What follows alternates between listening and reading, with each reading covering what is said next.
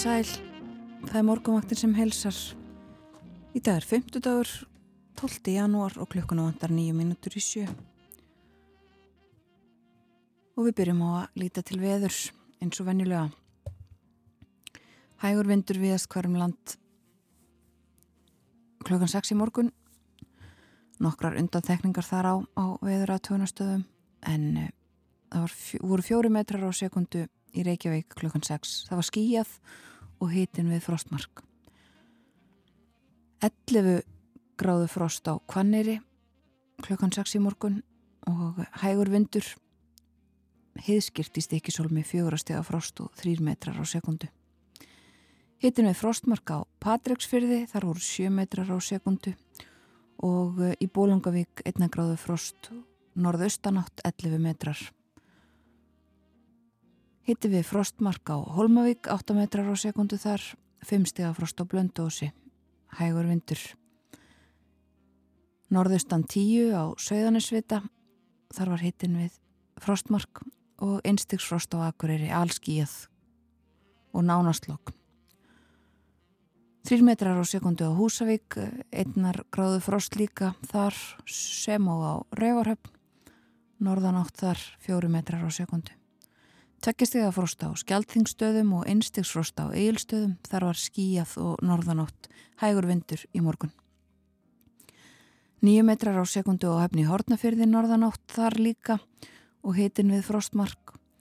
Einstegs hiti á kvískerjum, sjöstega hiti á kirkibæjaklaustri og fjóri metrar á sekundu og hlýjast á landinu á Stórhauða í vestmanni um fjórastega hiti þar klukkan 6, austan nýju metrar á sekundu og eh, frostið svo lítið á hálendinu eh, til að mynda 10 stega frost á grímstöðum og 11 stega frost í veiðvatnarhaunni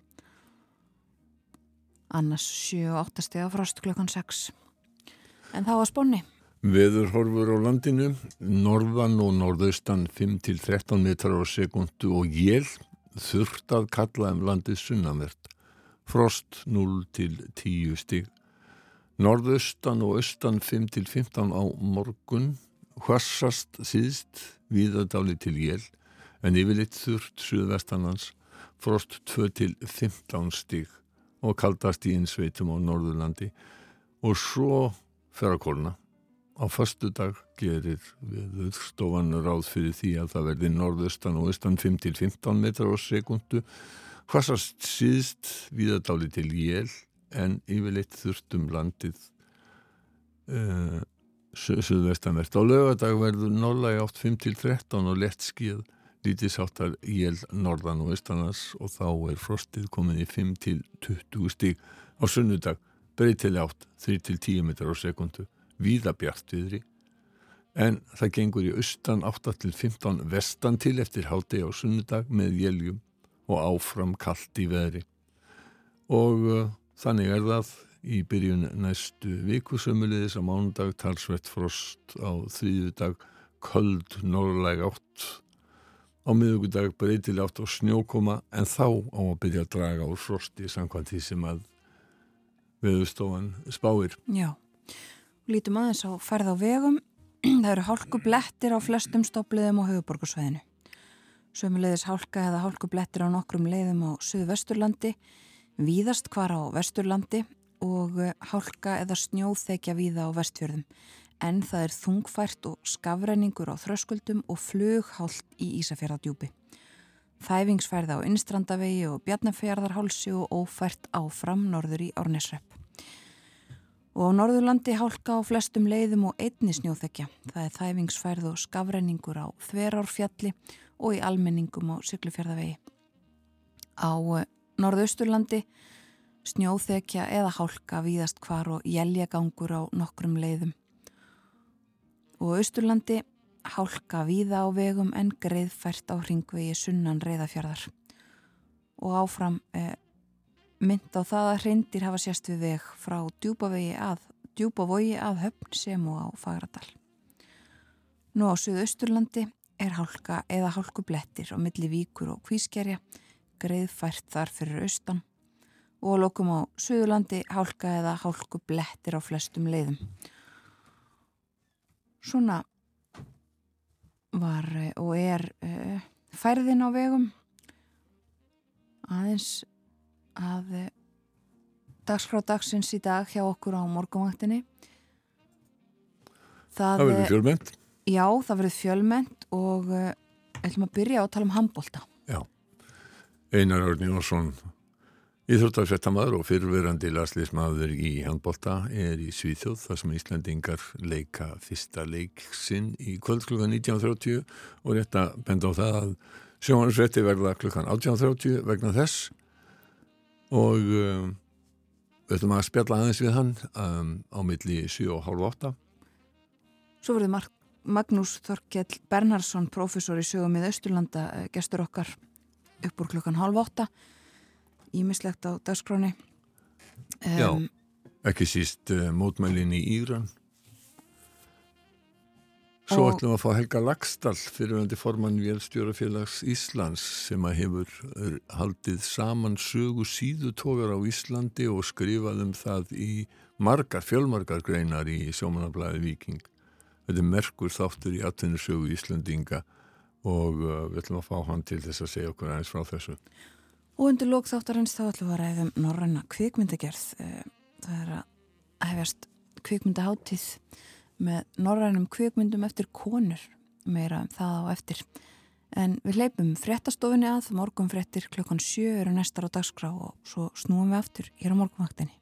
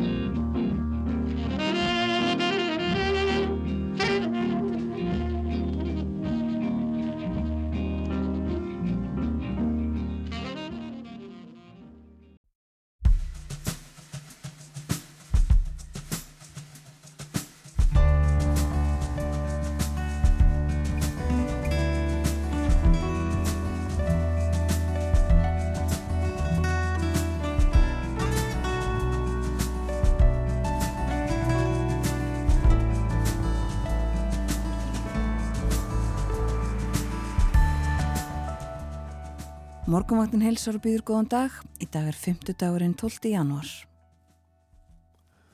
Með þess sem að verður uh, á dagskrá hjá okkur á þessum mótni er að við ætlum fyrst að núna eftir nokkra myndur að ræða við Einar Örn Jónsson en uh,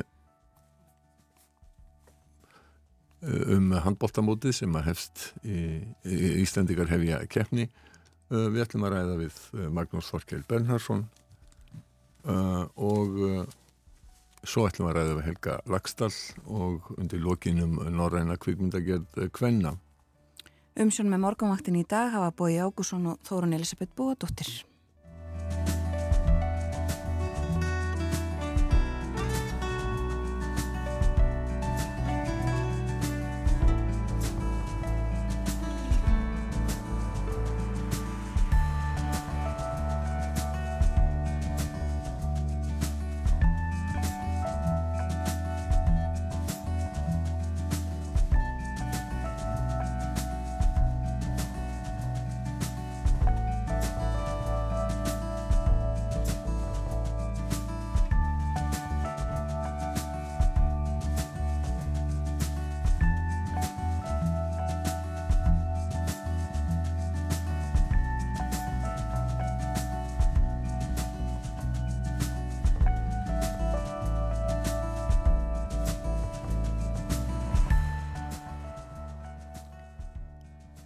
Lítum til veðurs.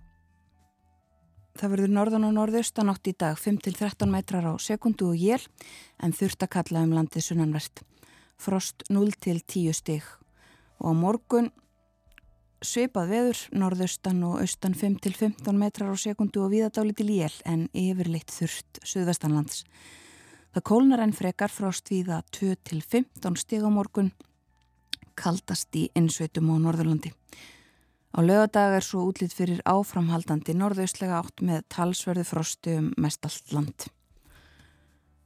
Og uh, þessu fylgir að það er líkt úr síðustu daga hálka og hálkublettir víðast hvarum landið snjóðþekja sumstaðar en uh, tölvert minna um lokanir á vegum heldur en verið hefur síðustu daga. Og uh, við lítum í blöðin, byrjum hér heima.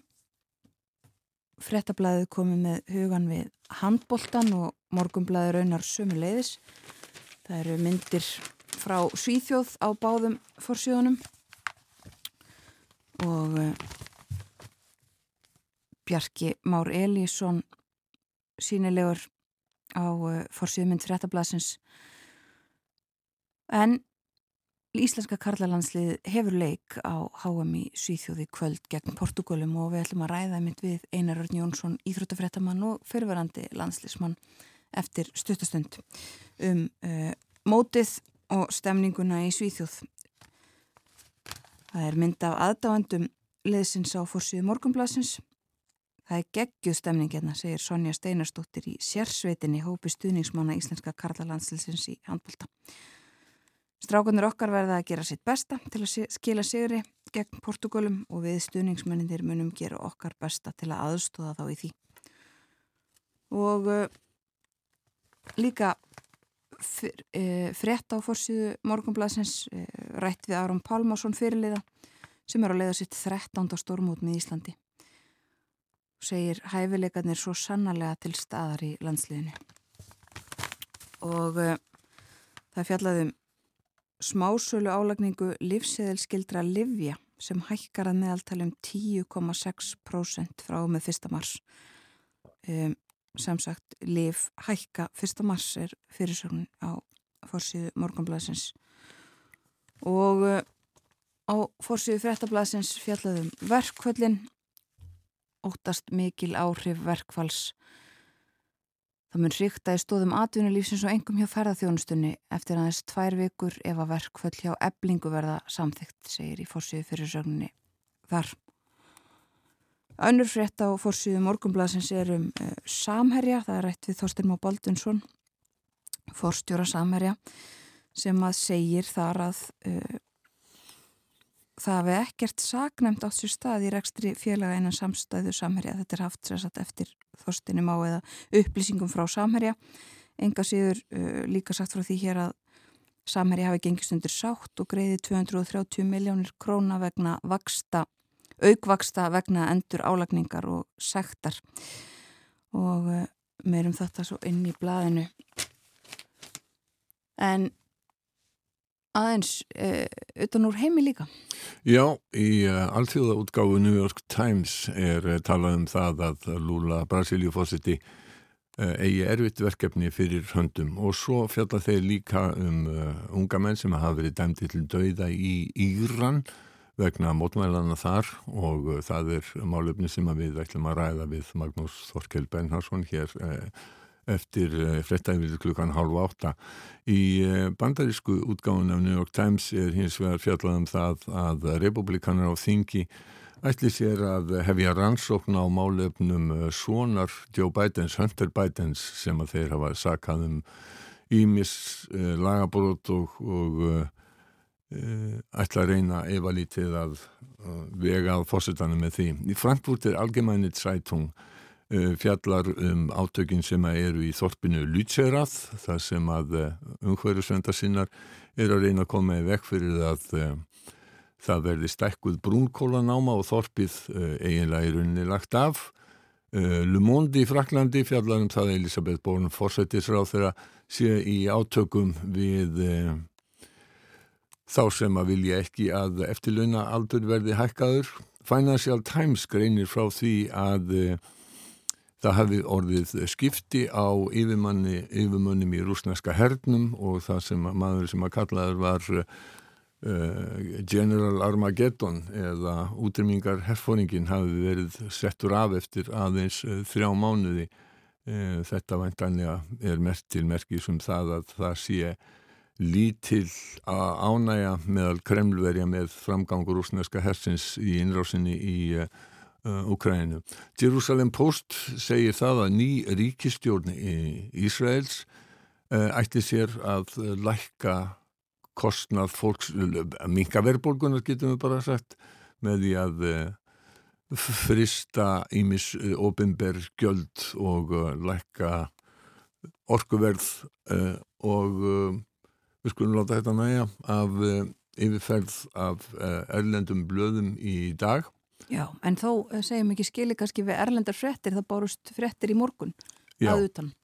Já, af andláti breska gítarleikarnas Jeff Beck uh, fræðasól hans reys á sjönda áratug síðustalda þegar hann tók við að vera Klafton uh, í The Yardbirds og uh, 1967, hann var rekin úr Yardbirds, hann mætti ídla og var geðstyrður og þeir rákan og þá stopnaði hann Jeff Beck grupp og ásamt söngvarannum Rod Stewart og Ronnie Wood. Ronnie Wood fór síðar í, í Rolling Stones.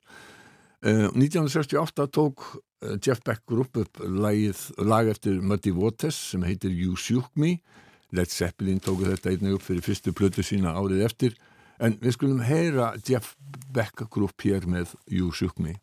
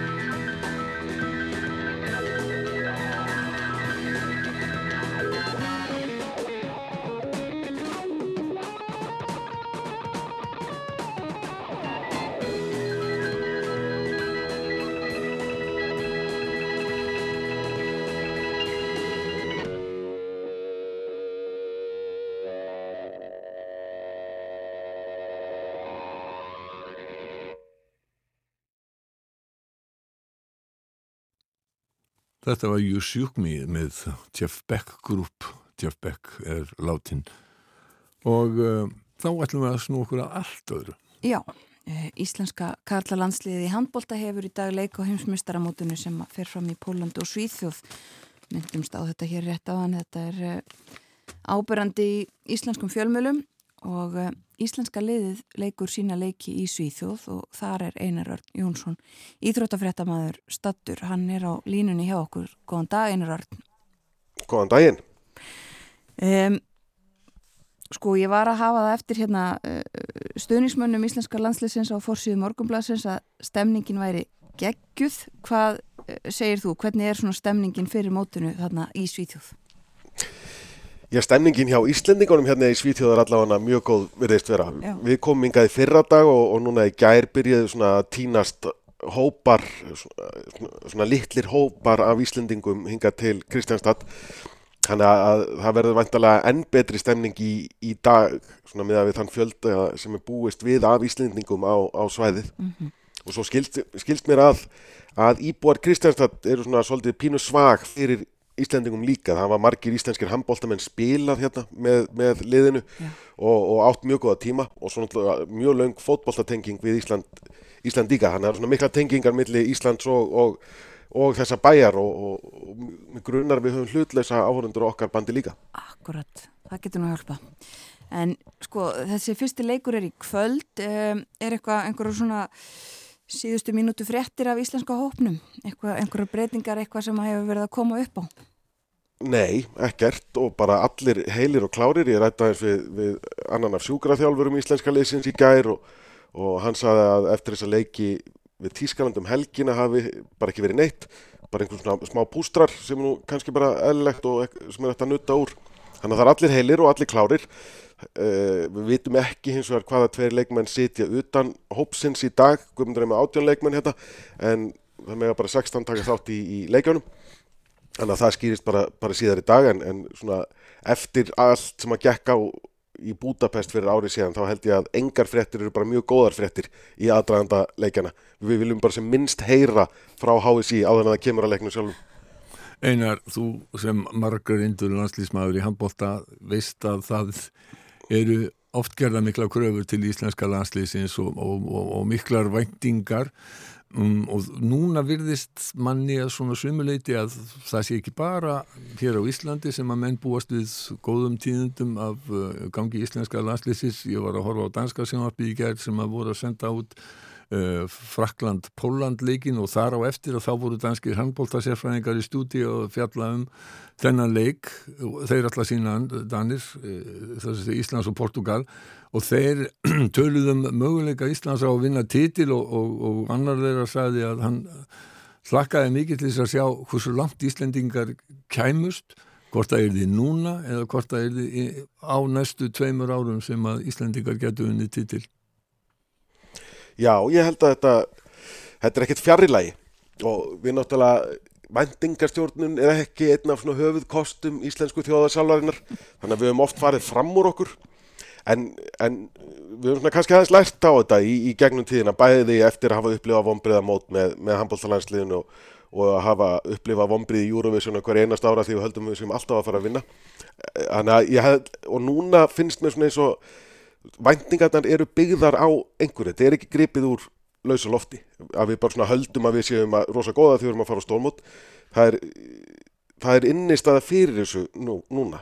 Leikmannahópurinn sem verður með eh, það sem að þessi strákar hafa verið að afreika með svona félagsliðum núna síðustu 12 átján mánuðina og, og það sem að liði síndi á Europamótunum fyrir ári síðan.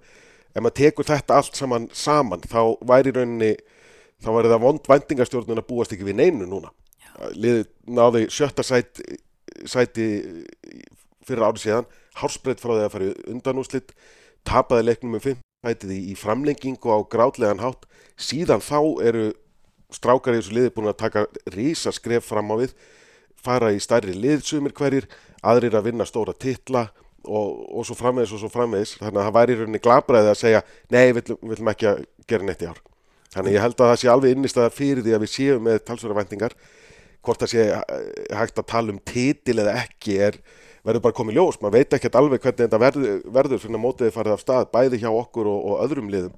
Svo það sé, er alveg hárið hvort þetta gerist á næstu tveimur, þreimur árum mögulega af því að kjarnin og líkil leikmenn í íslenska liðinu er ekki einu svona komnir á sinn besta aldur en þá svo því sé nú haldið til að hagar og þá voru Daninn nú á því að eh, danska liðið væri síðustránglegast og er því þá eh, heimsmeistarið þriðjarskiptið í röð sem að engum hefur tekist áður. En það er Já, já, náttúrulega aft, aftur, það er, það er innistæða fyrir því hjá dönunum. Þeir eru ekki bara að vera stórkallalegir eins og, eins og þeir eiga stundum til. Þeir hafa innistæði fyrir þessu sem ríkjandi heimsmeistar síðustu tvekja móta.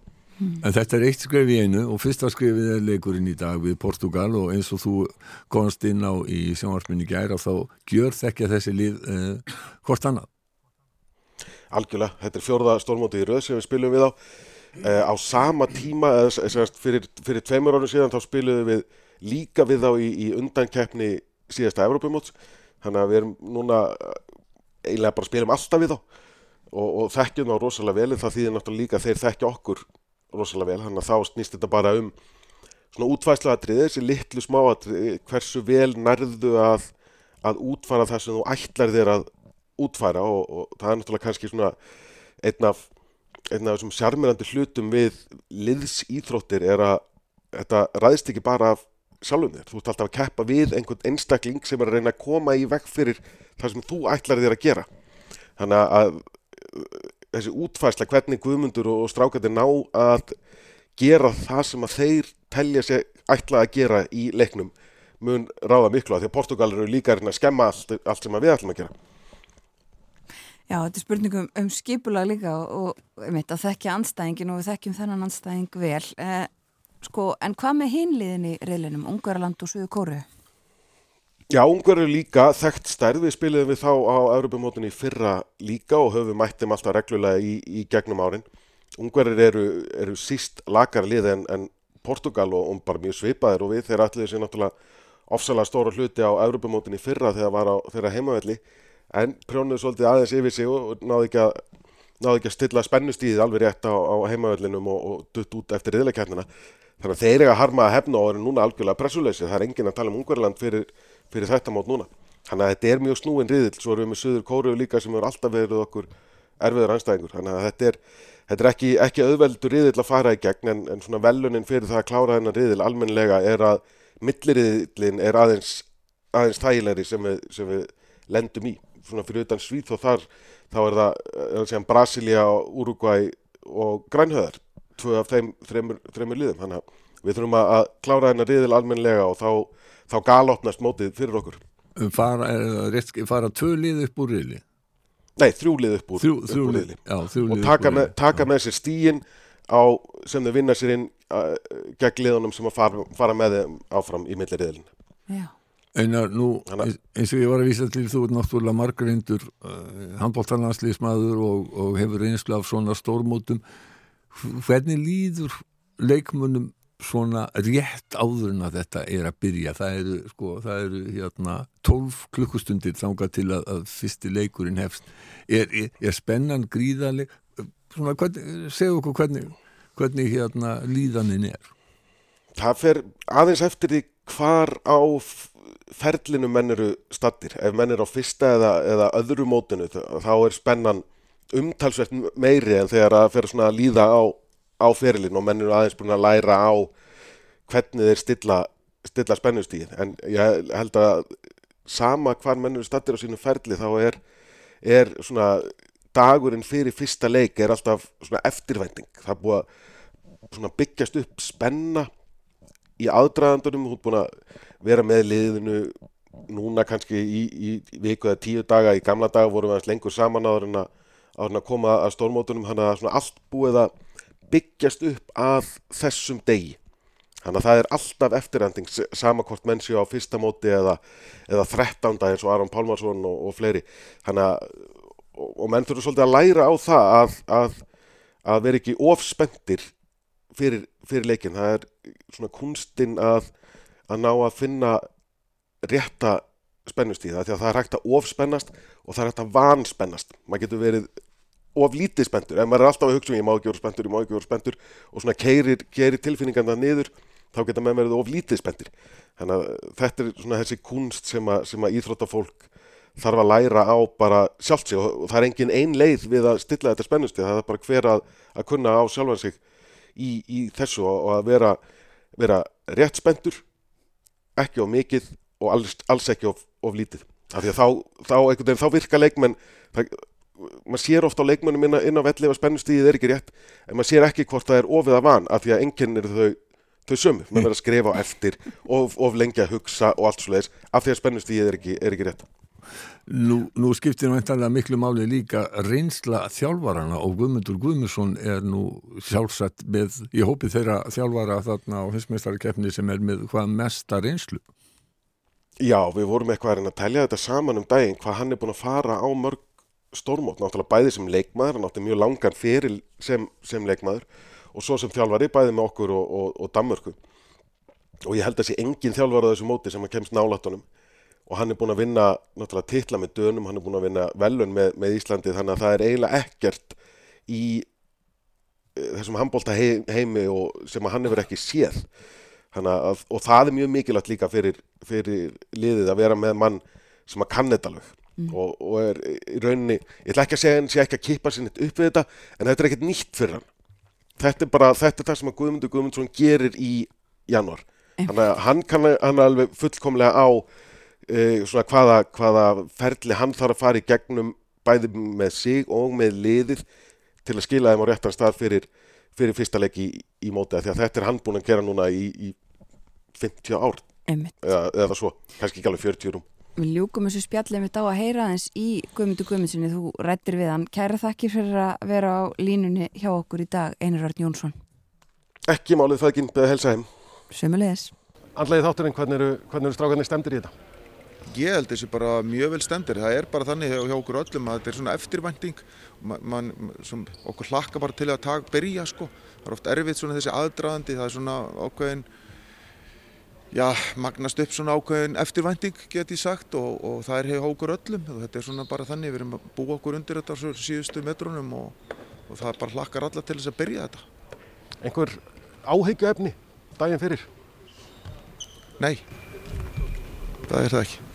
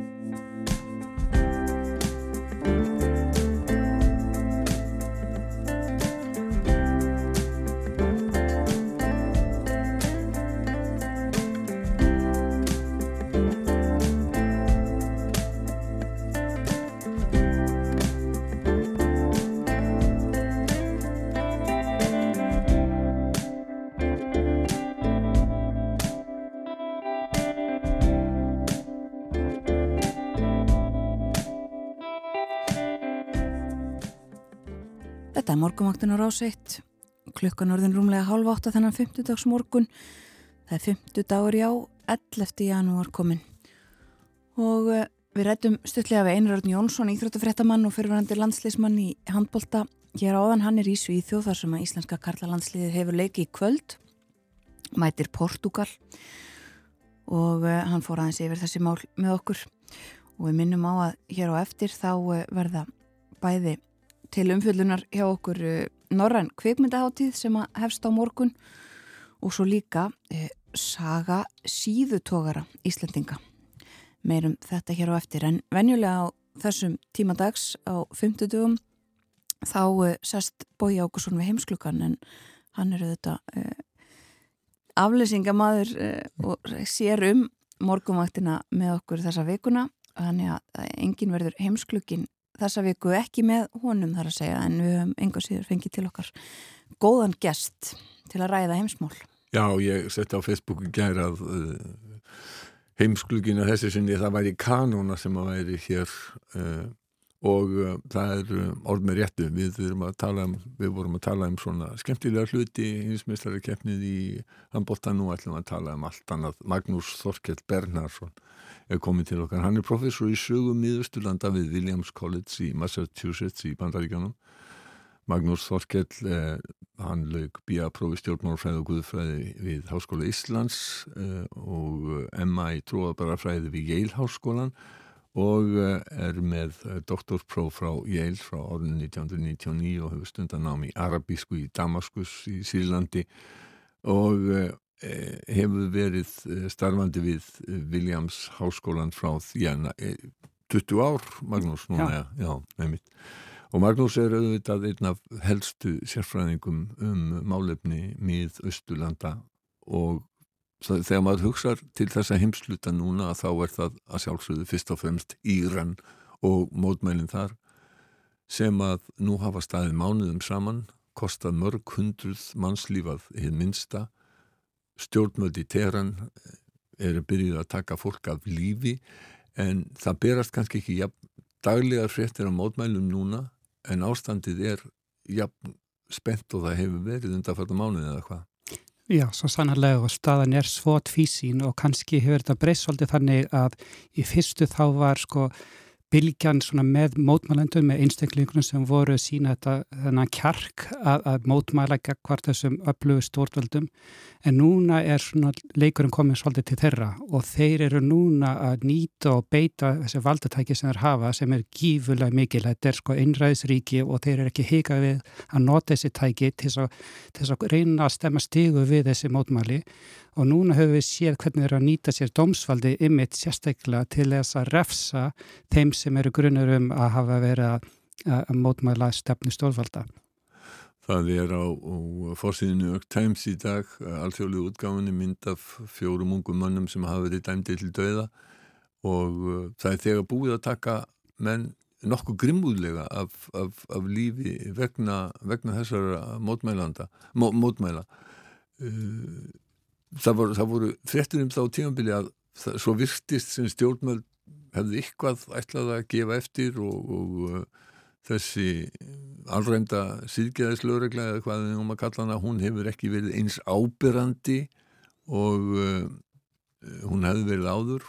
Konur uh, á göttum úti hefðu svona, já gengur ekki endilega með, með, með slæður en, en uh, nú á það að vera harkan sex eða eitthvað. Já, þetta er svolítið þannig að, að þeir kannski leiðu fólki að hafa þá tilfinn, tilfinningunni að kötturum var farin og núna þá fór fólk út og, og, og kannski svona aðeins meira ábærendur náður en núna er kötturum komið tilbaka og núna eru þessar aftökur og ofinbæra aftökur og mjög sínilegar og og fólk núna er virkilega farin að hugsa sér þessar um.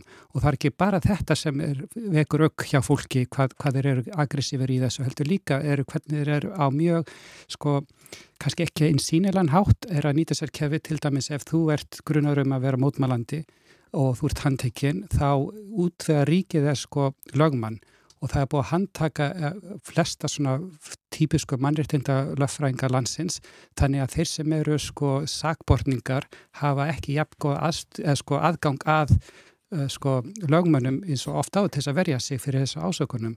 Sinni líka hitt er að hvern, hvernig sko ríkisvaldi lítir á þessu mótmælendur. Að þeir sem eru sko mótmælendur eru raun og veru bara kvistlingar, þetta eru föðlandsvikarar og, og þeir eru að svíkja málstað sko raun og veru gvöðs, þeir eru þá eiginlega raun og veru formlega séð svona fulltrúi djöfulsins eða mikla satans. Og þar að leiðandi er þetta frá þeirra mati séð réttlætilegur, réttlætileg refsing, stöðarefsing þar að segja. Og þetta sjálfsögðu fær fólk til að hugsa sér tviðsórum og síðan er líka, er það farnir að beita í síknum mæli sko, þessi valdatæki í nútíma stjórnmála manna sem er sko allstar eru myndavélar og, og þeir að fylgjast með hvað þú ert að gera á samfélagsmiðlum. Og núna er verið að nota þessa andlitsgreiningu, það er segja facial recognition. Já.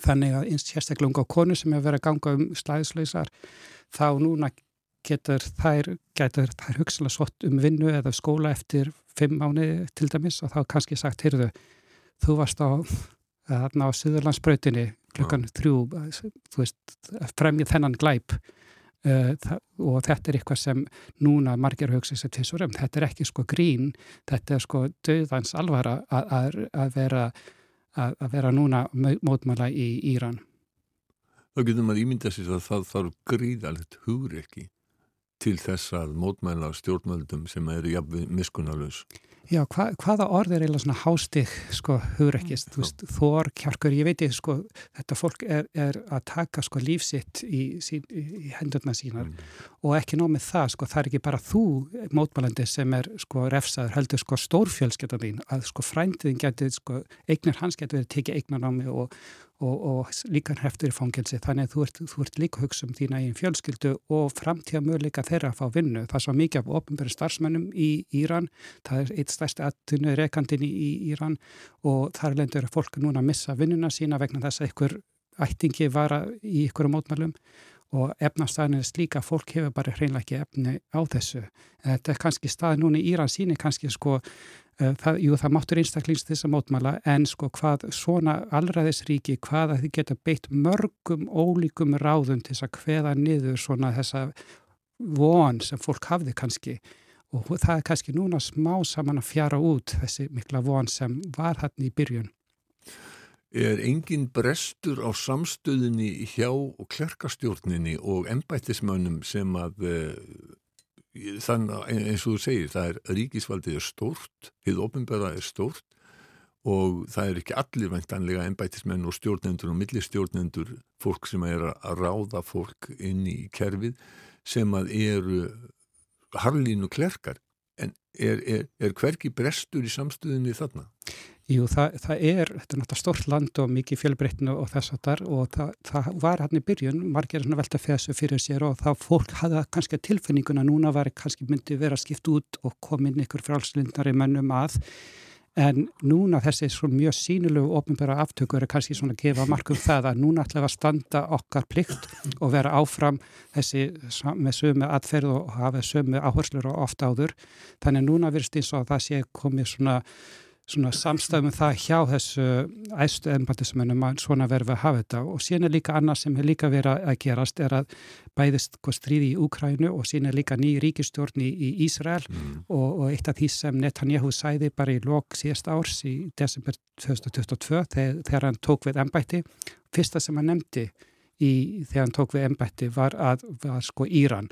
Og það er núna fær, sko, veitir ríkisfaldinu Íran tækifært til þess að hjappa þjóðinni saman til þess að geta sagt að ok, nú er komin Netanyahu, við erum komin aftur til Ísrael, þeir ætla kannski að ráðast okkur, þannig að núna er tím til þess að standa saman, núna er ekki tím til þess að vera með eitthvað svona múður og, og deilur um hver, hverju við erum og hvaða lauga við erum í landinu og þeir eru að nýta sér þetta kannski til þess að, þjarma enn frekara fólki. Þetta er hinn aldagamla leið harstjóra við að uh halda fylgi það er að búa til anstæðing utanlands. Já og þeir þurfa náttúrulega ekki að búa til þessa anstingar því að þeir bara minna á þeir eru þarna en þeir eru líka að nýta sér þetta að þetta sé ef þú ert að móti ríkisfaldunum þá ertu að bara svíkja málstað insplanska líðveldisins og þar alveg endur ertu sko ekki uh, raun og veru bara rétt dræpur. Mér heyrist þú ekki vera sérlega bjart síðan á að, að hlutinni breytist í Íran? Uh, Ég er kannski, þess að daginn er ekki sérstilega björnsýn, eitt af því sem hafi verið í svona gegnum tíðina að, að þetta er alveg óútreiknalegt og maður hefur verið svo björnsýn svo oft í Íran en alltaf þegar öll er á botnin kvöld þá er það sko völdin tala og þessi valdhafar, þeir eru sko hika sér ekki við nýta sér þessi völd sem þeir hafa og þeir hafa svo mikla sko stjórn á landinu vegna þess að þetta er til til að loka land og til til að ekki mjög fjölbreytt hagkerfi þannig að þeir, þeir, þeir bara vita hvernig það stand, sko, sitja áfram á valdastólunum. Ef við horfum aðeins til annara landa eh, við persaflóðin í þessu tilfelli í miðaustulundum að þá um, er eh, tiltölan í lokið hinsmestarakeppni í Katar Já. og uh, Katarar voru gaggríndir almennt víða um heim fyrir mannreitindabrót en aðrir bentu á að uh, aðteglinn sem að bindist að Katar hefði leitt til einhverja breytinga í landinu.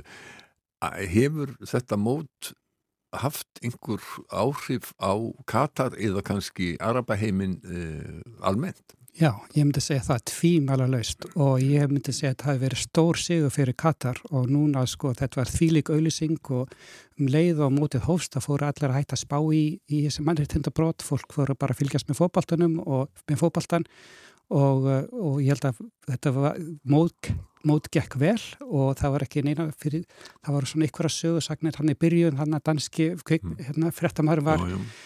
en, en sko þegar fótballtin byrja að rúla þá glemdi fólk þessi pólitíkinni og núna sko Katar standa með pálmann í höndunum og telja sér núna er komin svona þjóðmeira þjóða og þetta verður stórsígur á þeirra vegum og líka bara margir í Asíu og Afríku töldu að þetta hafi verið bara, bara heitt besta mál.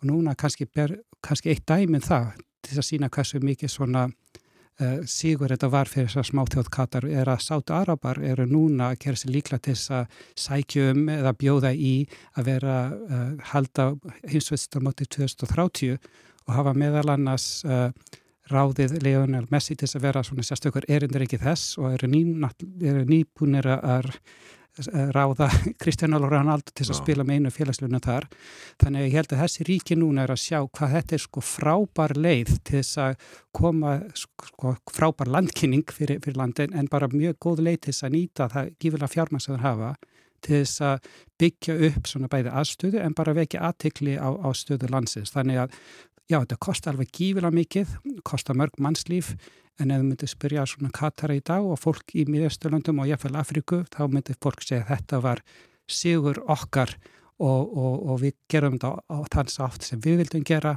á, á þeim tíma sem við vildum hafa þetta og við, þetta og fólk almennt séð bara mjög stolt af þessu.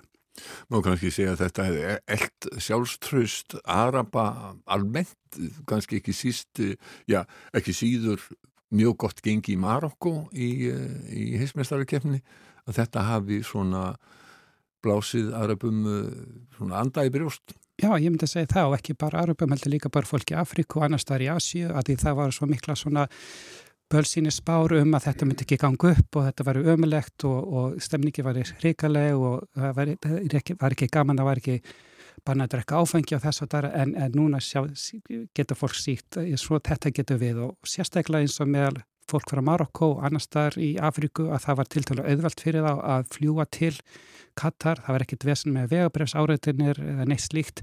Þannig að þetta var þeirra mæti svona aðgengilegra heldur en ef keppninir eru haldin í Evrópu eða í Norður Ameríku þannig að já, þetta er eitthvað sem við kannski Vesturlöndum, við erum kannski upptekin af, af öðrum málum og svona kannski erum að spá í þessi mannréttindamál og, og þess að það en annars það er það sem fólk ekki býr ekki við þegar mannréttindi sem við þekkjum eða uh, upplifum að þá er það ekki neitt svona stór mál og, og þetta var, já ég myndi að segja þetta að núna finnst eins og uh, þessi, þetta var okkar keppni sem, sem uh, við, við náðum að, að sigra sko ut, ekki á sjálfum vellunum heldur utan við vellun. Mm. En hefur þetta leitt til einhverja, eða finnst þið líklegt að þetta geti leitt, leitt til einhverja breytinga á þjóðfélaginu uh, já, í Katar og í miðausturlundum? Uh, ekki endilega stjórnmála, ekki sko politíslega séð, en þetta getur leitt Stöðu hvenna?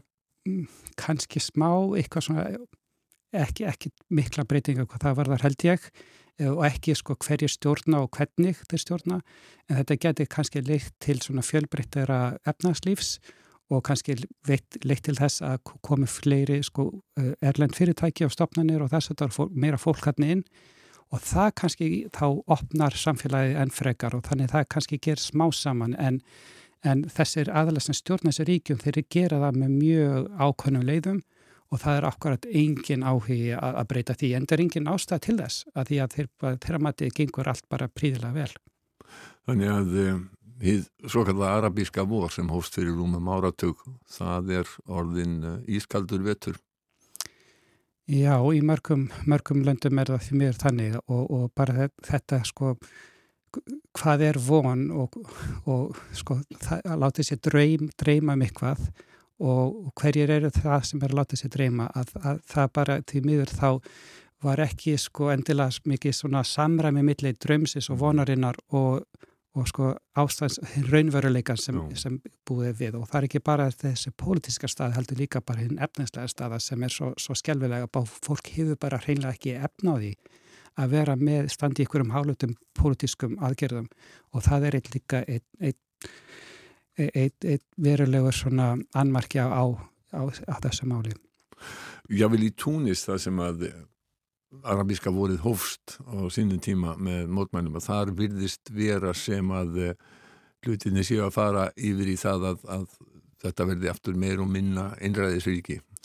Já, það, það, er, það er svona eins og þetta er alltaf svona að þjapast í, í fær, á, að fari hendur heldur en hefur verið undanfærum árum í Túnis því miður er það þannig og, og, og það er kannski svona ákveðin svona stjafna bara almennt séð í, í Asíu og í Afríku að, að, að þessi svona líðræðis þróanir, þróun líðræðis sem við sáum kannski á nýjönda og byrjun 20. vistaldar er smá saman komið svolítið bakslag í það og kannski fólk til með þess að svo að svona líðræðis og svona gefa ómikið vald til fólksins er bara svona dæmum óstöðuleika og það sé betur að hafa stöðug á stjórn og sem bara tekur ákveðum með mjög ákveðum hætti og það sé líklæri til árangurs heldur en að vera að spá ykkur líðræði.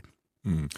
Eitt af ríkjónum uh, í miðustulundum sem er náttúrulega ákveðnuleiti Evrópuríki líka í Tyrkland og uh, þar virðist ekki neitt benda til þess að Erdóan fósiti eh, sé að slaka á klóni eða að það eiga að vera fósitakostningar innan tíðar en hans keppinutur, hans helsti keppinuturinn borgarstjórun í Istanbul, hann hefur bara einfalt að verið tekinn fastur og neftur í fangelsu og dæmtur þannig að uh, það er ekki að búast við neinum stórum breytingum í Tyrklandi fyrir ekkar heldur en uh, annar staðar í þessum heimsluta. Já og, og þetta er bara sko Tyrkland sem líka var í byrjun 21. aldar, það var svona mikið svona bjartsinni um, um hakkerfið og, og stjórnmálinn og, og, og þetta var að þróast á, á ákveðin veg en, en eins og þú fórst að benda á þá er, þá er búið að styrkja til muna sko ennbætti fórsetans og það, þar að leiðandi er, er verið að, að leggja áherslu á það að, að við, við vitum hvað við ætlum að gera, við stöndum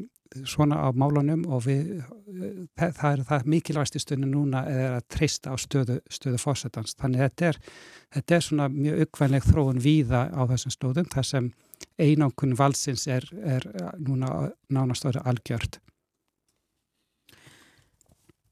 Þetta hefur verið svona um, uh, með Östurland, Magnús Þorkjell, en uh, þú ert líka komin, eða ert hér á landi og, og mynd á morgun uh, halda erindi á málþingi um uh, réttlátt stríð og frið. Uh, viltu segja okkur aðeins frá því svona rétt í lokin? Já, þetta veri í þjóðmínasafninu á morgun klukkan 14 og frá, við erum tveir fyrirlesarar, ég og doktor Solvarna Bóastóttir, þar sem við erum fjallum um þetta réttlátt stríð og réttlátt frið og sko, ég held ég séum svolítið meðvitið um, um sko, hvernig 21. öldun hefur verið að breyta, hvernig herna hefur breyst svolítið mikið og, og hvernig laga umgjörðin og, og hvað er réttlátt stríð og hvernig er á hegi stríð, hvað, hvernig framgöngur er í stríð og hvað gerist þegar stríðinu búið. Núna á 21. öldun hefur séð svolítið mikið um svona endalau stríð mm -hmm. og þá er það eins og stríðið sé bara svona status quo og friðu sé eitthvað sem er eins sko, sem er bara svona undantekning fyrir ykkar enn og reglunni. Höfum við líka síðan sko uppgáðum tekninar, hverjir eru að berjast með hvað hætti, svo með dróna eða nota stafrænar herna til þess að ráðast á, á internetið og þess að þar og síðan líka að í síkna mæli er vera ekki sko deilur eða stríða millríkja heldur innan, innan ríkjæts og þar er grimdin meiri og þá er fólk ekki endilega að spá í sko genfara sáttmálun eða, eða hvað þess að þar og þess vegna er, er, er þessi rástefna þetta málting til þess að velta fyrir okkur hvað, hvað er stríð í dag, hvena má hvena drifum maður mann og hvena drifum maður ekki mann og hvað, hvað, hvað, er, hvað þýðir þetta í, í dag og hvaða breytingar eru hugsalna í kortunum að því að, að, að teknin er að breyta svo mikið og svo margir eru núna að láta til sín taka að þetta er olgir stjórnleysi e, í, í mörgum hlutum heiminum og, og hvernig við þá að hugsa um þetta fyrirbæri sem við kannski tölum um eins og, eins og þetta fyrirbæri var á 20. stöld. Já. En þetta er gjör breytt eins og fórst líka yfir áðan með Íran, þetta er saman hvort það kemur að þeim stríði eða bara eftirliti með borgurum að þá tæknin er að breyta svo miklu. Nákvæmlega. Og þetta er á morgun í þjóðminnarsafninu, segir þau, og geta allir mætt? Já, þetta er opið öllum. Já. Já. Kæra Ma- þakkir fyrir að koma til okkar á morgunvaktina. Já, Magnús Þorkell, eh, kæra þakki fyrir það og, og það er eh, kannski rétt að minna á það að Magnús Þorkell verður líka í heimskviðum á lögadaginn á, á Rás 1 það sem að eh, verður rætt við hann um eh, nýja stjórn í Ísrael, þannig að þess vegna höfum við nú ekki talað mikið um það en það virðist vera sem að eh, já, þar er gamall kunningi eh, aftur komin til valda, Benjamin Netanyahu og stýðs núna við mjög hægri sinna þjóðveitni sinna þannig að það má kannski östuð, það má ekki búast við að það má búast við að það verði mikið af tíðindum eh, í Ísraelskum stjórnmál Magnús. Já, svo sannlega ekki bara í auðaríkismálum, þeir heldur líka í innaríkismálum hjá þeim. Magnús Þorkell, kæra þakkir fyrir komuna í, eh, á morgunvaktina hjá okkur á þessum 50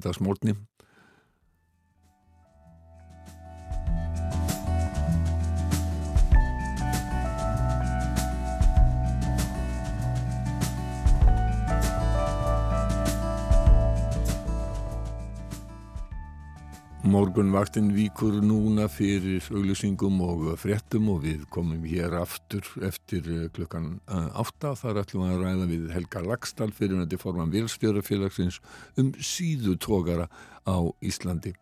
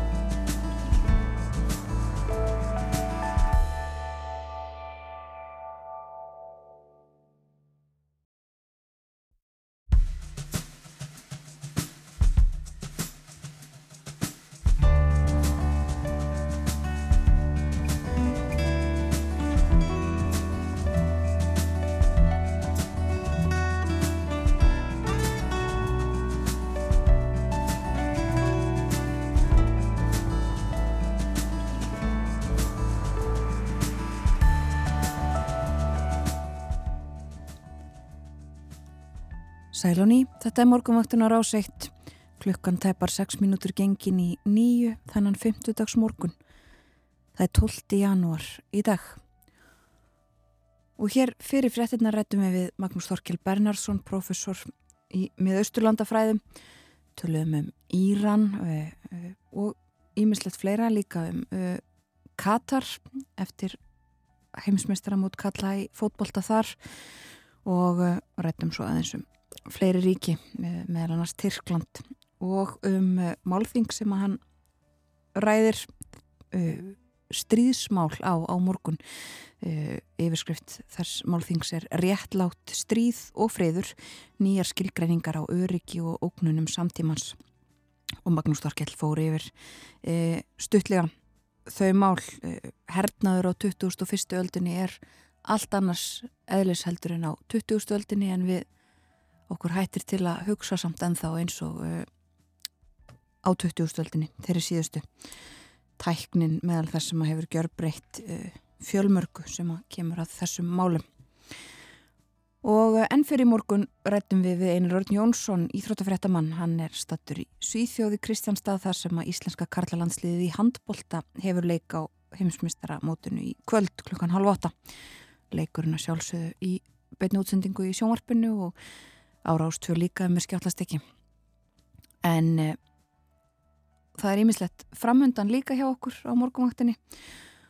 Nú ætlum við að snú okkur e, í söguna einlega Já, hingað er komin til okkar Helgi Lagstall fyrirverandi formaður fyrirverandi formaður Vélstjórafélags Íslands og fyrsti formaður verkalýsfélags, sameilis verkalýsfélags Vélstjóra og Járninamanna sem var stopnað 2006 Eh, Við ætlum ekki að ræða verkalýsmál við eh, Helga þó kannski væri ærið á ærin ástæða til þar sem að eh, eru nú hörð átök á, á vinnumarkaði. En við ætlum að ræða um sögu sjómennsku, sögu útgerðar Helgi hefur ritað fjölmarkar greinar í sjómannablaði Viking um síðutógara Íslendinga og hann helt fyrirlestur í félagi skipa og báta áhuga manna um síðustu síðutógarana á Íslandi í fyrrakvöld. Þetta er mjög merkuð þáttur í sjósóknarsögu Íslandinga. Um, svona fólk kannski sem að komið er yfir miðan aldur og eldra það man eftir síðutógurum en yngra fólk væntan ekki. Hver er munurinn á síðutógara helgi og þessum tó- tógurum sem við þekkjum uh, núna sem eru allt uh, skuttógarar? Já, munurinn er nú sá að sko síðutógar þá tekur trollið inn á síðuna en á skuttóra tekur það inn að aftan, dregur inn í skuttin. Og það sem gerist með uh, skuttórarum er það að þú fækkar í áhöfnu líklega tíu manns, fer á 24 trúlegi svona 14-15, pluss það þú ert að minka ólíuveðslum svona 12-15% við að draga trollið beint aftur úr skipinu. Og síðan er öllu vinna unnin undir þilfæri, stað fyrir að þetta var verið að blóðka upp á dekkin á síðutórun. Þannig að vinnu aðstæðan er miklu betri á skuttogurunum heldur en á síðutogurunum. Já, hún er all, allt önnur sko. Og þessi sem sagt uh, fristiskip nútímans, þau hefðu aldrei gett á sér staði á síðutóra sínist mér. Og verður að vera með yfirbyggt þilfar og til þess að bara þess að tækja búnaði fyrir.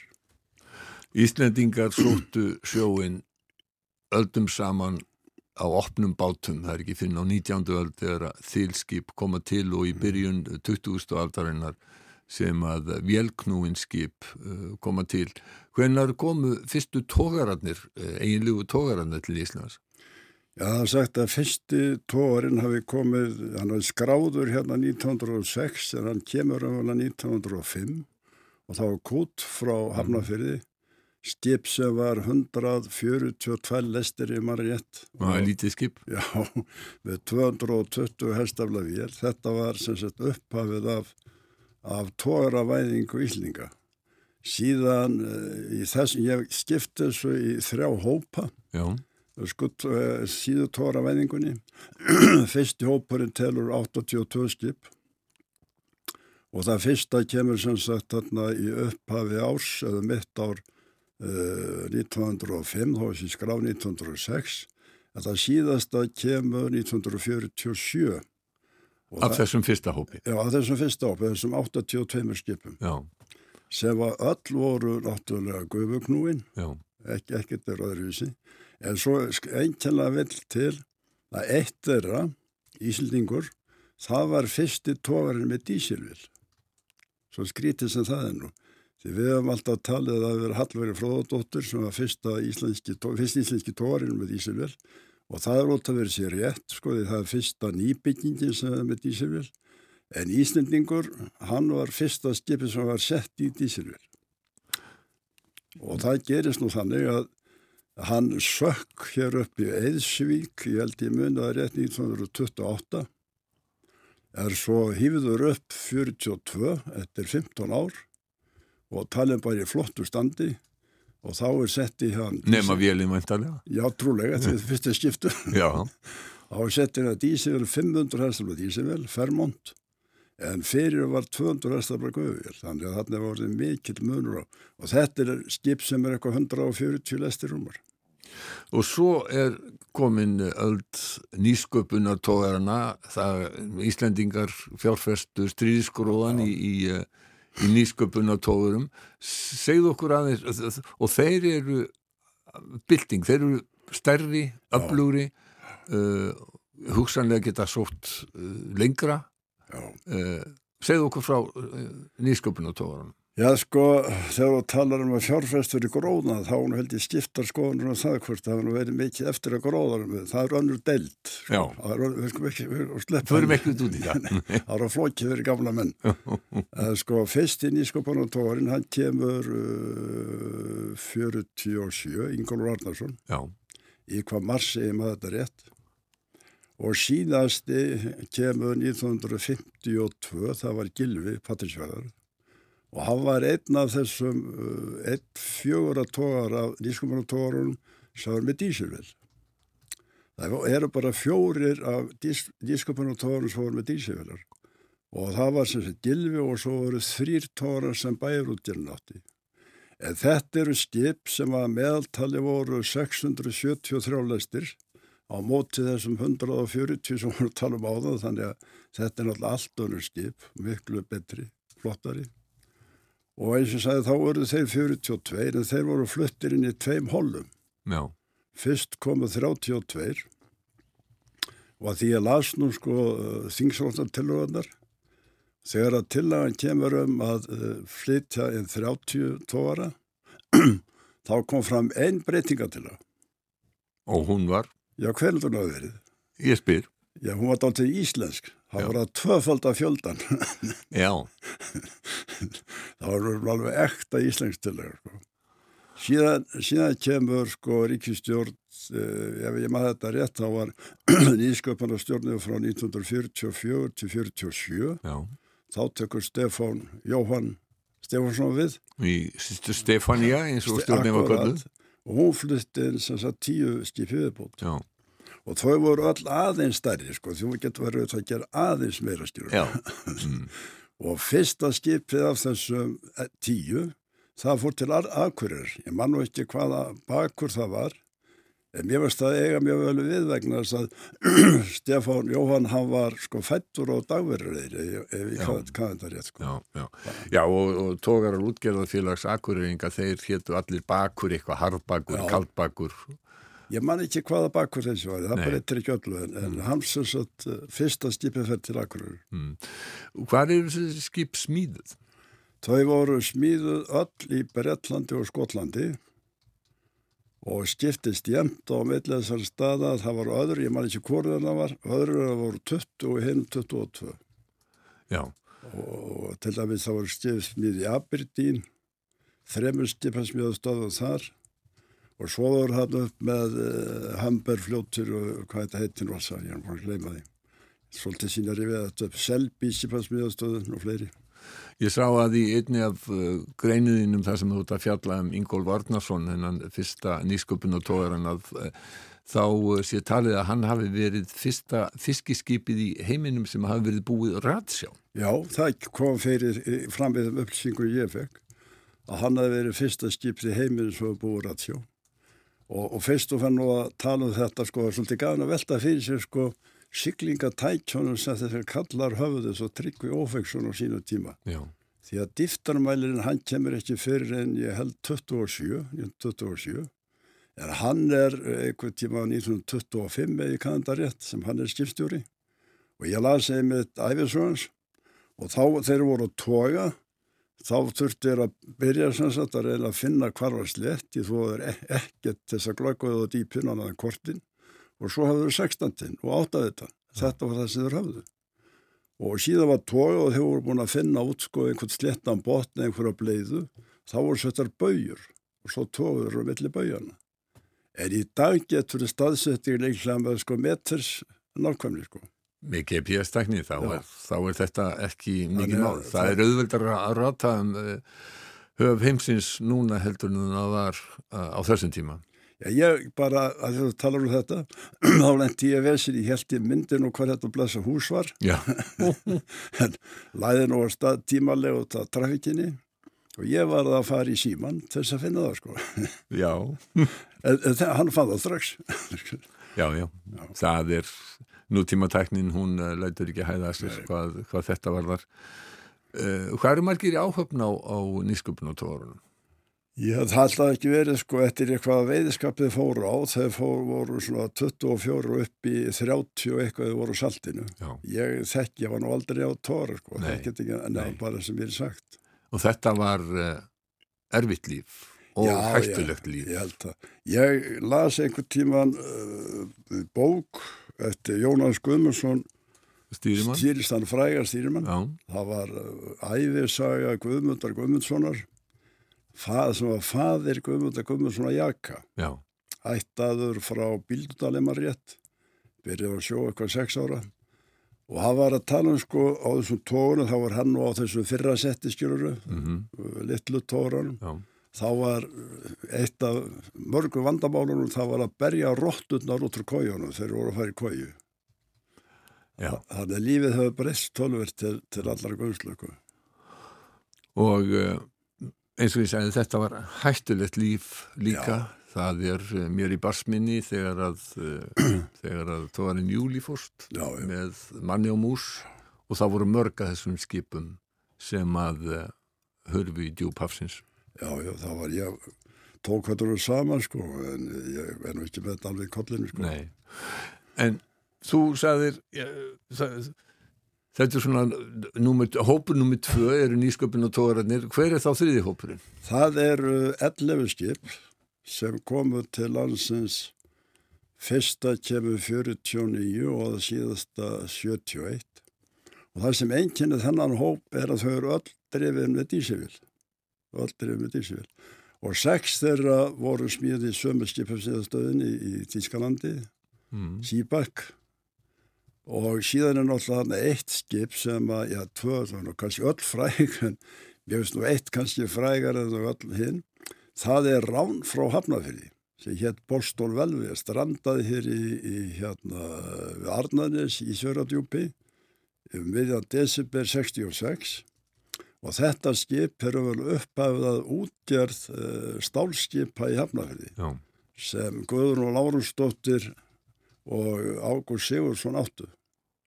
Og ég var mynd að lesa frá strandinu, áður en ég talaði þannig í gerðkvöldið fyrir kvöld, í morgunblæðinu og þá voru að lýsa þessu. Skipið þurfti að fara til Ísafjörða vegna þess að það var með bilað ratsjó og veikan mann, en uh, lendað þarna uppi, þetta var norðaustan vonsku veður og síðan kallaður út neyðarkall og björgunarsveitin Ísafjörði kemur að bjarga þeim. Og þá kemur það í ljós að þeir voru meira og menn undir áhrifum, fýrarnir, hann er borð. Svo skrítið sem það var, þá var einn edru og hann var danskur. Því hafði við nú sent tróðaldir. Já. Það var hvað hann lístið yfir, sko, að hann myndi fyrir sjórétti bera að skipstjórn hefur verið undir áhrifum. og, og þeir veist ekki eins og hvað voru margir um borð. Já, þetta hefur verið ymsum, ymsum hætti uh, á þessum tíma. Og þeir náðu ekki skipstjórn frá borði fyrir en daginn eftir. Það, er, það eru náttúrulega margar sögur af, af sjómennskunni á, á síðutóðurunum og hvernig var farað að manna á því að þetta Já. var nú, nú til dags að þá eru þá eru ploss á fiskiskipum Íslendinga mjög eftirsótt. En ef ég maður aðeins klára þetta, Já.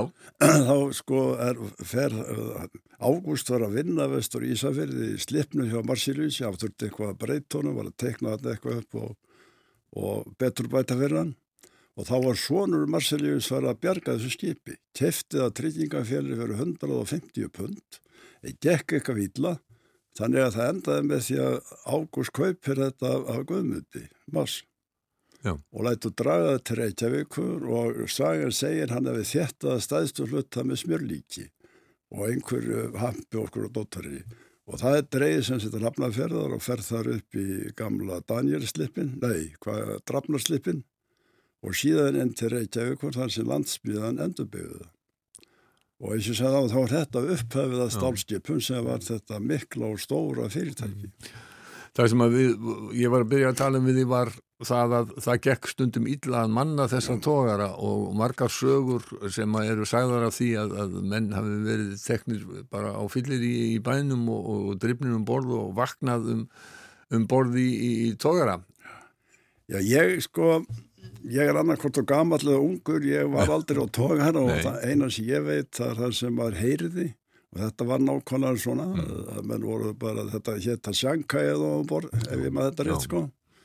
Og bara, og þegar til dæmis þeir koma uh, fjögur skip, það var uh, öll smíð út í Sýbekk réttum þúsund tonn, það var Sigurður það var Mæ, það var Víkingur og Freyr og uh, þeir sko eins og Freyr er seldur á landi uh, þreymar árum eftir hann kemur vegna þess að þá til þess að búið færa landtilgin út, þannig að færa þetta 58 og þá Já, í tólmínum. akkurat sem þótti sko mikil skerðing á frelsi tógar að þá skilur það Já, verð það nú ekki núna held ég.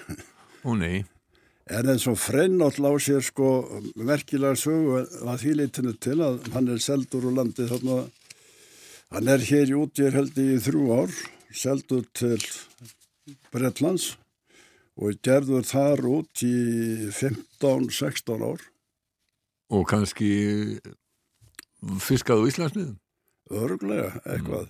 En hann verður síðan að þessu frægu reyti Jó Karolína Já, hann er sem sagt uppafið af þeirri útarstuð já, já. Sem að fyrir þá sem ekki vita þá var það á sínunda áratögnum til þess að komast hjá uh, breskum útvarslögum sem að gerði ekki ráð fyrir enga útvarstöðum að þá settum henn upp útvarstöðvar í uh, skipum sem að voru utan við landhelgina og þar með utan við uh, bresku lög og útvarpuðu uh, þaðan. Og það hef nú, ég hef nú séð kvikmyndum þetta eina að minnstakosti en já, þetta er þarna tengist þetta íslensku e, tógarasögu. Já, og sko þeir skráðu skip hérna það skip á Panama Já, og voru auðvitað við breska lögsu og síðan var það, ég var nú að kíkja á þetta já það er sjö, 63 sem að fer í þetta geim sko.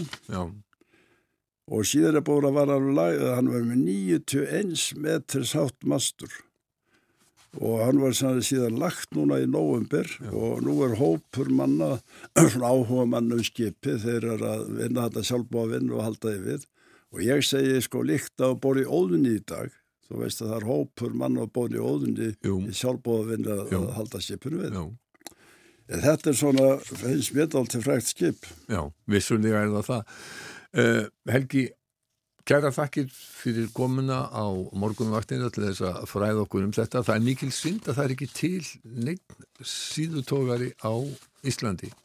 nei, ekki í dag Takk fyrir komuna og uh, Skúru, skúru.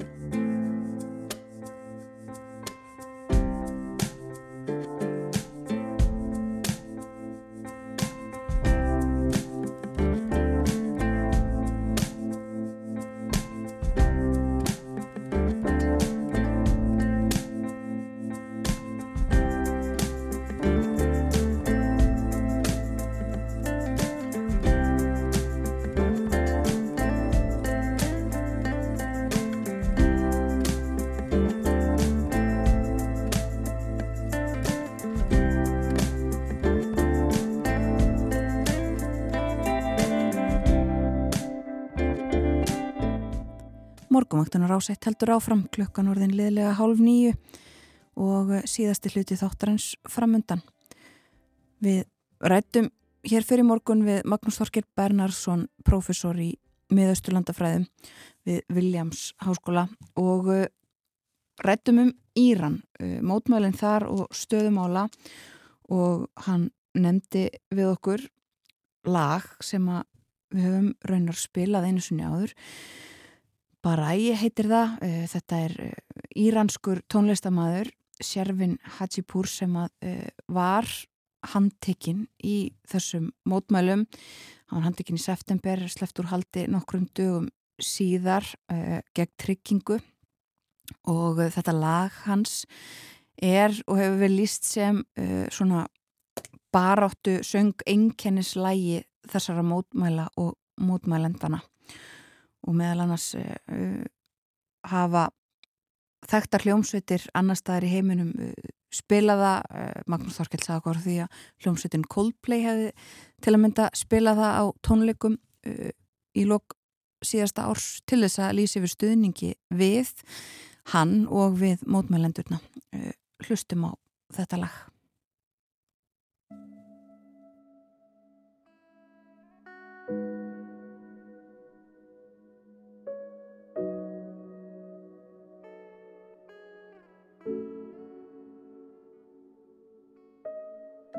برای توی کوچه رقصیدن برای ترسیدن به وقت بوسیدن برای خواهرم خواهرت خواهرامون برای تغییر مغزها که پوسیدن برای شرمندگی برای بیپولی برای حسرت یک زندگی معمولی برای کودک زبال گرد و آرزوهاش برای این اقتصاد دستوری برای این هوای آلوده برای ولی و درختای فرسوده برای پیروز و احتمال انقرازش برای سگهای بیگناه ممنوعه برای گریه های بیوقفه برای تصویر تکرار این لحظه برای چهره ای که میخنده برای دانش آموزا برای آینده برای بهشت اجباری برای نخبه های زندانی برای کودکان افغانی برای این همه برای غیر تکراری برای این همه شعارهای تو خالی برای آوار خونه های پوشالی برای احساس آرامش برای خورشید پس از شبای طولانی. برای قرص های حساب و بیخوابی برای مرد میهن آبادی برای دختری که آرزو داشت پسر بود برای زن زندگی آزادی.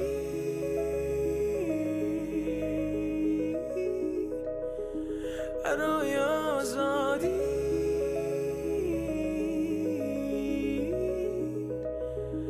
برای آزادی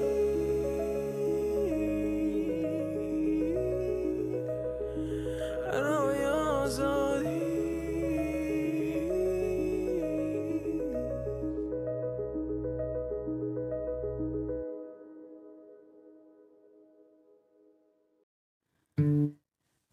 Þetta var uh, Baræi, baráttu söngur uh, íranskra mótmælenda. Leikum þetta uh, í tilefni af spjall okkar við Magnús Þorkel Bernarsson hér fyrir í morgun. En uh, nú snúum okkur að öðru. Við höfum fengið til okkar tvo góða gesti. Það er Kolbrúnu Ír Einarstóttur sem er kynningarstjóri Norræna húsins og uh, Leo Ævarsdóttur sem er frá og uh, sem er frá Feminist Film Festival. Velkomnar á morgunvaktina báða tvær. Takk alveg fyrir. Það er að fara í gang uh, bæði dag og morgun um,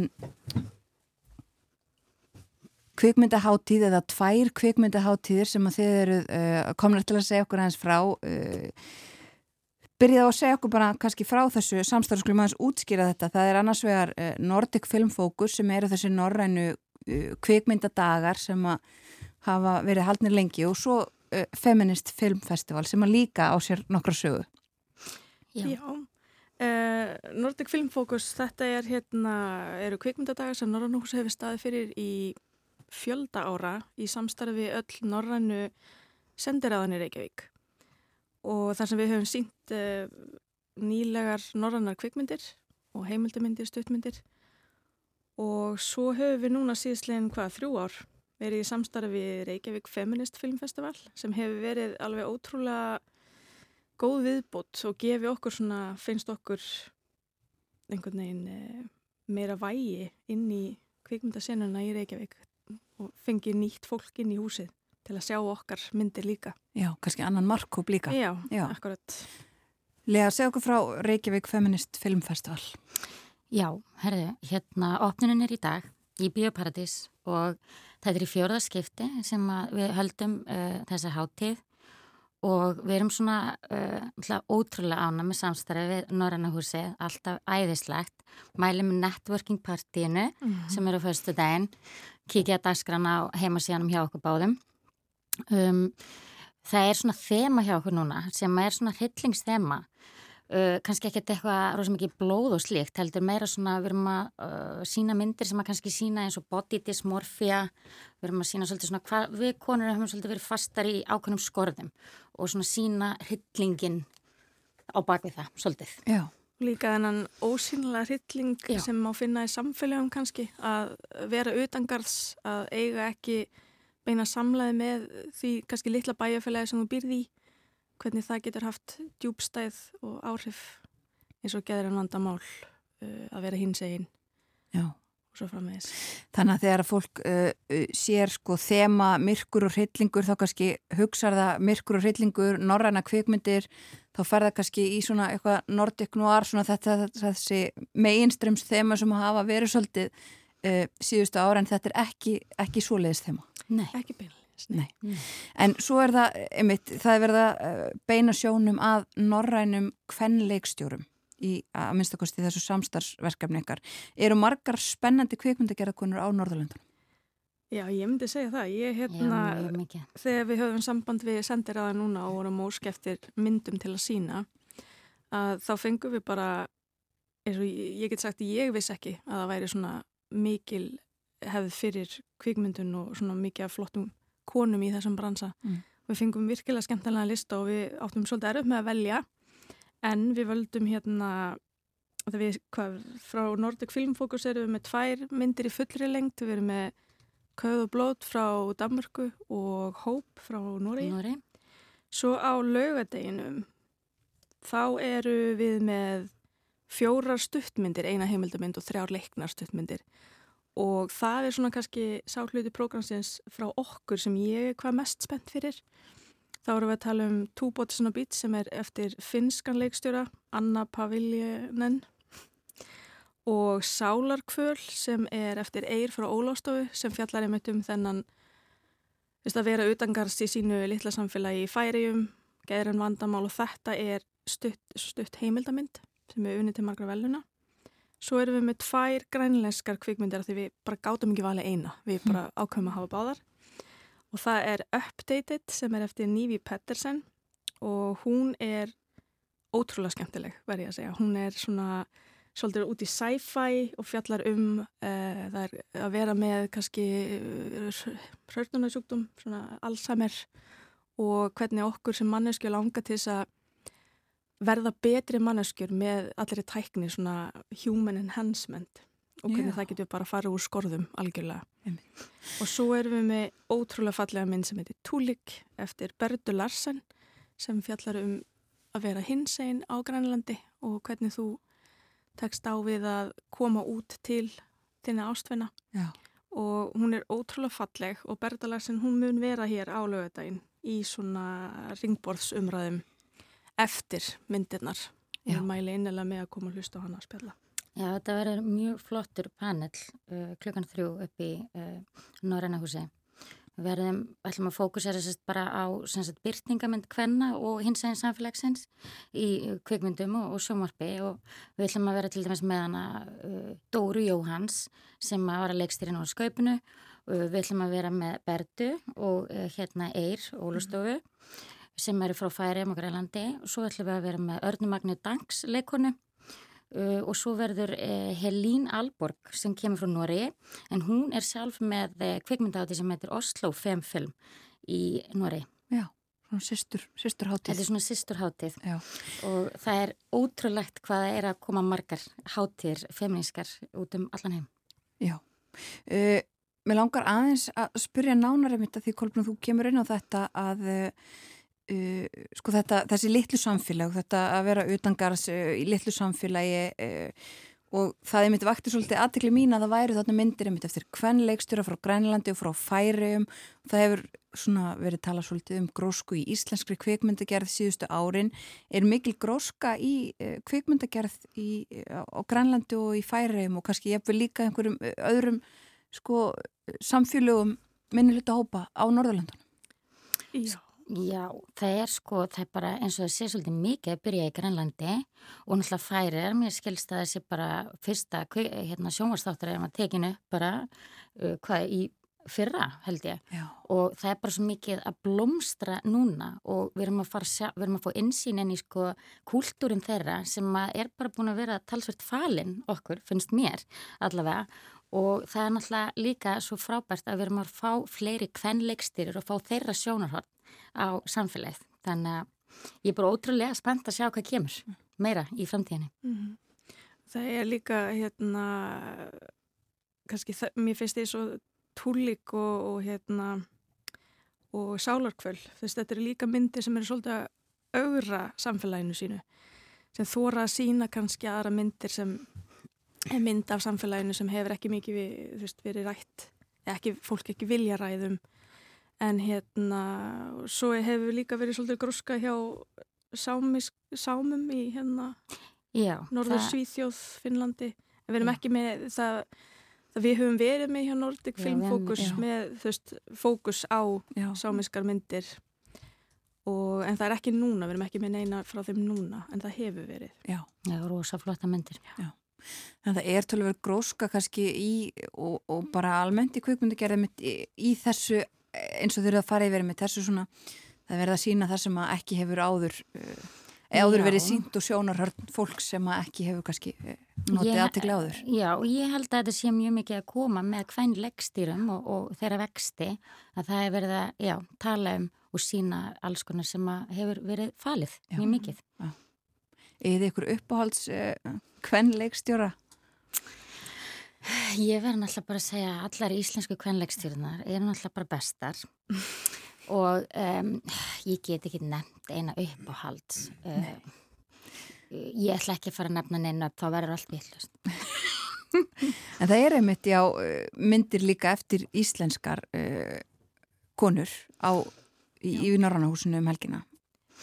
Já, það eru náttúrulega fullt af íslenskum stund, stuttmyndum og verðum með spes eh, pakka sem heitir Guðrún af því það er algengsta nafnið á, nafnið á Íslandi og þar eh, held ég að sé bara flesta leikstýrunar að mæta og ætla að vera í Q&A þannig að það verður sko gaman að heyra og þetta er alveg sko ótrúlega ólíkar myndir Já. og konur á öllum aldri líka. Svara spurningum, það er á sunnudag sé ég. Það er á sunnudaginn. Já. Já. Einmitt það. Og uh, það er þetta nálgast sem fyrir segir upplýsingar um þessar tvær hátíðir og samstarfsverkefni þeir á uh, vefnum uh, Reykjavík Filmfestival og, og Norræna húsins. Uh, Já, Reykjavík Feminist Film Festival, Já. femfilmfest.is, yes. Takk fyrir að koma til okkar og segja okkur frá þessu Kolbrúnir Einarstóttir, kynningastjóri Norræna húsins og Lea Ævarstóttir frá uh, Reykjavík Feminist Filmfestival. Takk fyrir. Í framhaldi af umræðinni um uh, norrænar kvikmyndir er ekki úr vegi að uh, hlýða á lag úr norrænni kvikmynd. Við heyrðum í gær á morgunvaktinni lag sem uh, var úr danskri kvikmynd frá 1937 feikna vinsætli mynd sem hétt Milli, Mari og Mæ. Það er eh, Jeg har elsket dig så længe jeg kan minnes og hétta í íslensku útgáfunni en það mann ég hvar. Eh, en núna ætlum við að hlusta á uh, annað lag, Sakta við går gjennom stan. Þetta er eitt frægasta lag eh, sænsku söngkonunar Móniku Settelund. Við ætlum að heyra það í annari útgáfu sem að raunar líkist upphafli útgáfunni svo mjög að það má vart greina mun. En þetta er þessi þú kvikmynd sem að gerð var um Móniku Settelund árið 2013. Leikstjóri var Danin Mark Verlunaði Per Fly og myndin fekk geysigóða viðtökur. Hún var mest sótt sænskra kvikmynda í bíóhúsum þar í landi 2013. Per Fly fekk Gullbakken, sænska Óskarinn eða Edduna fyrir leikstjórn og sömuleiðis aðal leikararnir sem merkilegt nokk eiga bæði ættir að reykja til Íslands þau Edda Magnason og Sverrir Guðnason. Edda heitir fullunafni Edda Karin Hjartadóttir Magnason og er ekki síðri söngkona og tónlistamæður en leikona og hér fer hún hæglátlega heim með manni sínum um bjarta sumarlóft í Stokkólmi og kannski ekki alveg við hæfi svona miðjan vetur í Reykjavík í kulda en við ímyndum okkur þessi björt sumarlóft í Stokkólmi. Klokkan er tvo, himnel, himlen er bló, klukkan er tvö og himinin blár, það er allt hljóft. Um Vesterbrón fer innmanna tómur sporvagn, fjólu ilmur í lofti, trén er að laumast við að blómstra, eitt koss og við höldum áfram að rölda heim, hægt heimliðis, sakta gå hem genom stan.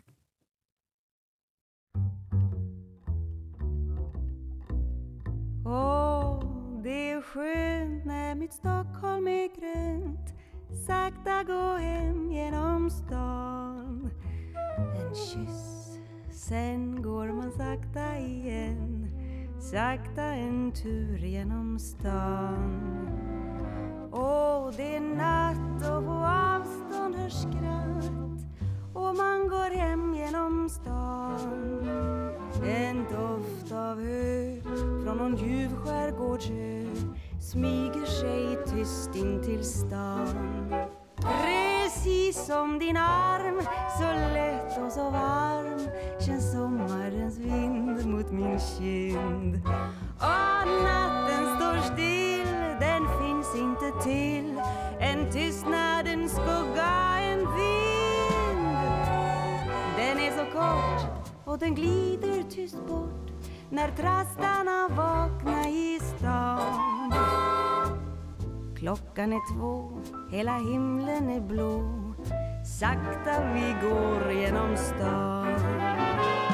Sakta hitåt ror en man i en båt.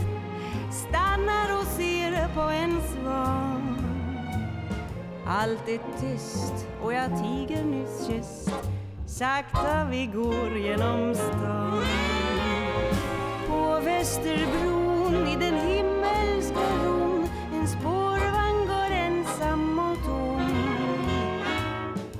Alla hus målar natten i ljus. Hemligt går träden i blom. Här bor en miljon, säg hör de den ton Som Stockholm nu spelar för dem.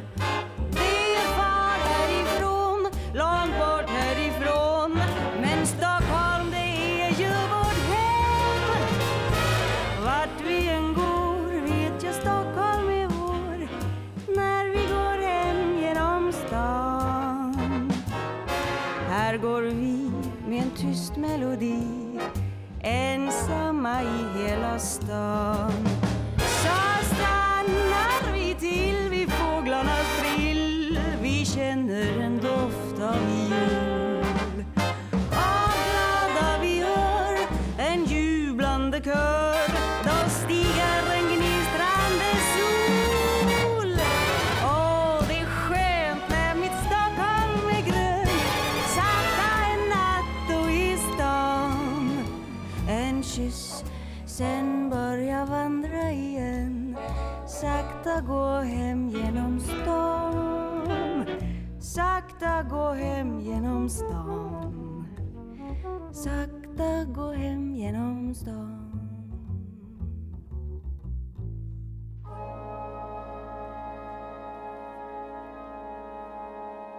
Þetta var útgáfa Eddu Magnússon á Móniku Settilundlæginu sagt að góða heim í ennum stan.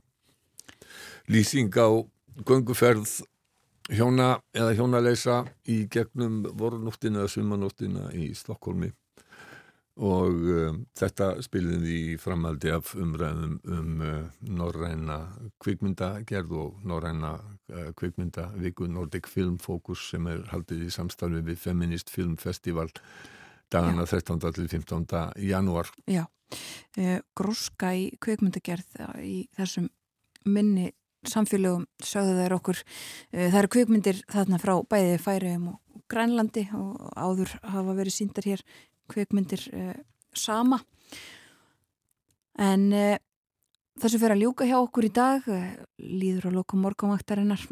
Ég ætla að nefna eitt vegna þess að við rættum hér í morgun við uh, Einar Örn Jónsson, íþróttafréttamann. Uh, hann er í Svíþjóð þar sem að Íslenska Karlalandsliði handbólta hefur leiki í kvöld og við heyrðum í lokin aðeins í Guðmundur Guðmundssoni landslistþjálfara það er svolítið skemmtilegt viðtal við hann í frettablaðinu í dag um hjátrú uh, í tengslum við íþróttirnar og handbóltan. Hann segir ég játa að ég beita í mig hér á árum áðum að ef, ég, ef það hljóp köttur fyrir bílinn hjá mér á leiðinni leik þá snýri ég við og fór einhverja aðra leið að leikstað. Ekki bara svartu köttur. Ekki bara svartu köttur, bara uh, köttur og líka rætt uh, um fleiri hluti uh, og svo líka við Björgum Pál Gustafsson Markvörð, engin er eins og hann segir ég, hann var orðin svo svakalegur í hjátrúni að hann gerði allt til að vera ekki hjátrúafullur í dag kissir hann stangirnar tvær og slá námarkinu og línuna á gólfinu fyrir börnin sín. En uh, aðrir landslismenn sem að talaðir við uh, segjast ekki vera hjátrúafullir uh, svona uh, er ímislegt fyrir utan íþróttina sjálfa sem að kemur við sögu eins og reynar einar sað okkur svolítið frá í morgun, hann er auðvitað Uh, reyndur handbólta landslismadur sjálfur. Já, já, já, já, og tekið þátt í mörgum stórmótum og, og sagði okkur aðeins að því hvernig þetta undirbúningurinn og líðaninn fyrir áður en að stórmótið byrjar. Ísland og Portugal spila fyrsta leikin klukkan 19.30 og kannski rétt að minna á það aftur að sjómarsvetti verða klukkan 18.30 og svo verður eh, HM stofa uh, klukkan 19 þar sem að fjalla verður um leikina og, og, og svona. Já fólk set, setur sér í gýrin fyrir þetta, það eru gríðarlegar væntingar til íslenska handbóltalasins hér á Íslandi. Það, e, og við vorum að vitnaði það fyrr og í viðtalinu við, við einar að það er líka svo sem í Danmörku það sem að handbóltaspekulandar e, í Damarsradio sem að voru að kynna þeir ætla að senda út leik Íslands og Portugal, þeir voru að kynna eftir upphafsleikin í gær. Og þá töluður um það að íslenska lið það væri líklegt til verðluna hugsanlega ekki núna en á næstu tveimur, þreimur árum. Þannig að þannig uh, af vísu sjálfur búast við því að uh, verja heimsmeistaratitilin og verða fyrsta þjóðin í heiminum til þess að verða heimsmeistari handbólta þrísvar í rauð. Já, og uh, leikurinn, hinn leikurinn í reyðlinum líka í sjónvarpinu á Rúf 2 uh, það er í, um klukkan 5 en svo er líka sagt frá því ég er á, á fórsíðu rúfa.is að ólimpíuleikar eru líka uh, í húfi, það er besta leðin inn á þá er í gegnum þetta mót. Það er sem sagt að hefjast handbólta æði, ég held að sjó þetta að segja það. En uh, þessu er lokið hjá okkur í dag. Við þökkum samfylgdina. Verðum hér aftur í fyrramálið. Bói Ágússon og Þórun Elisabeth Bóadóttir þakka fyrir sig í dag, verið sæl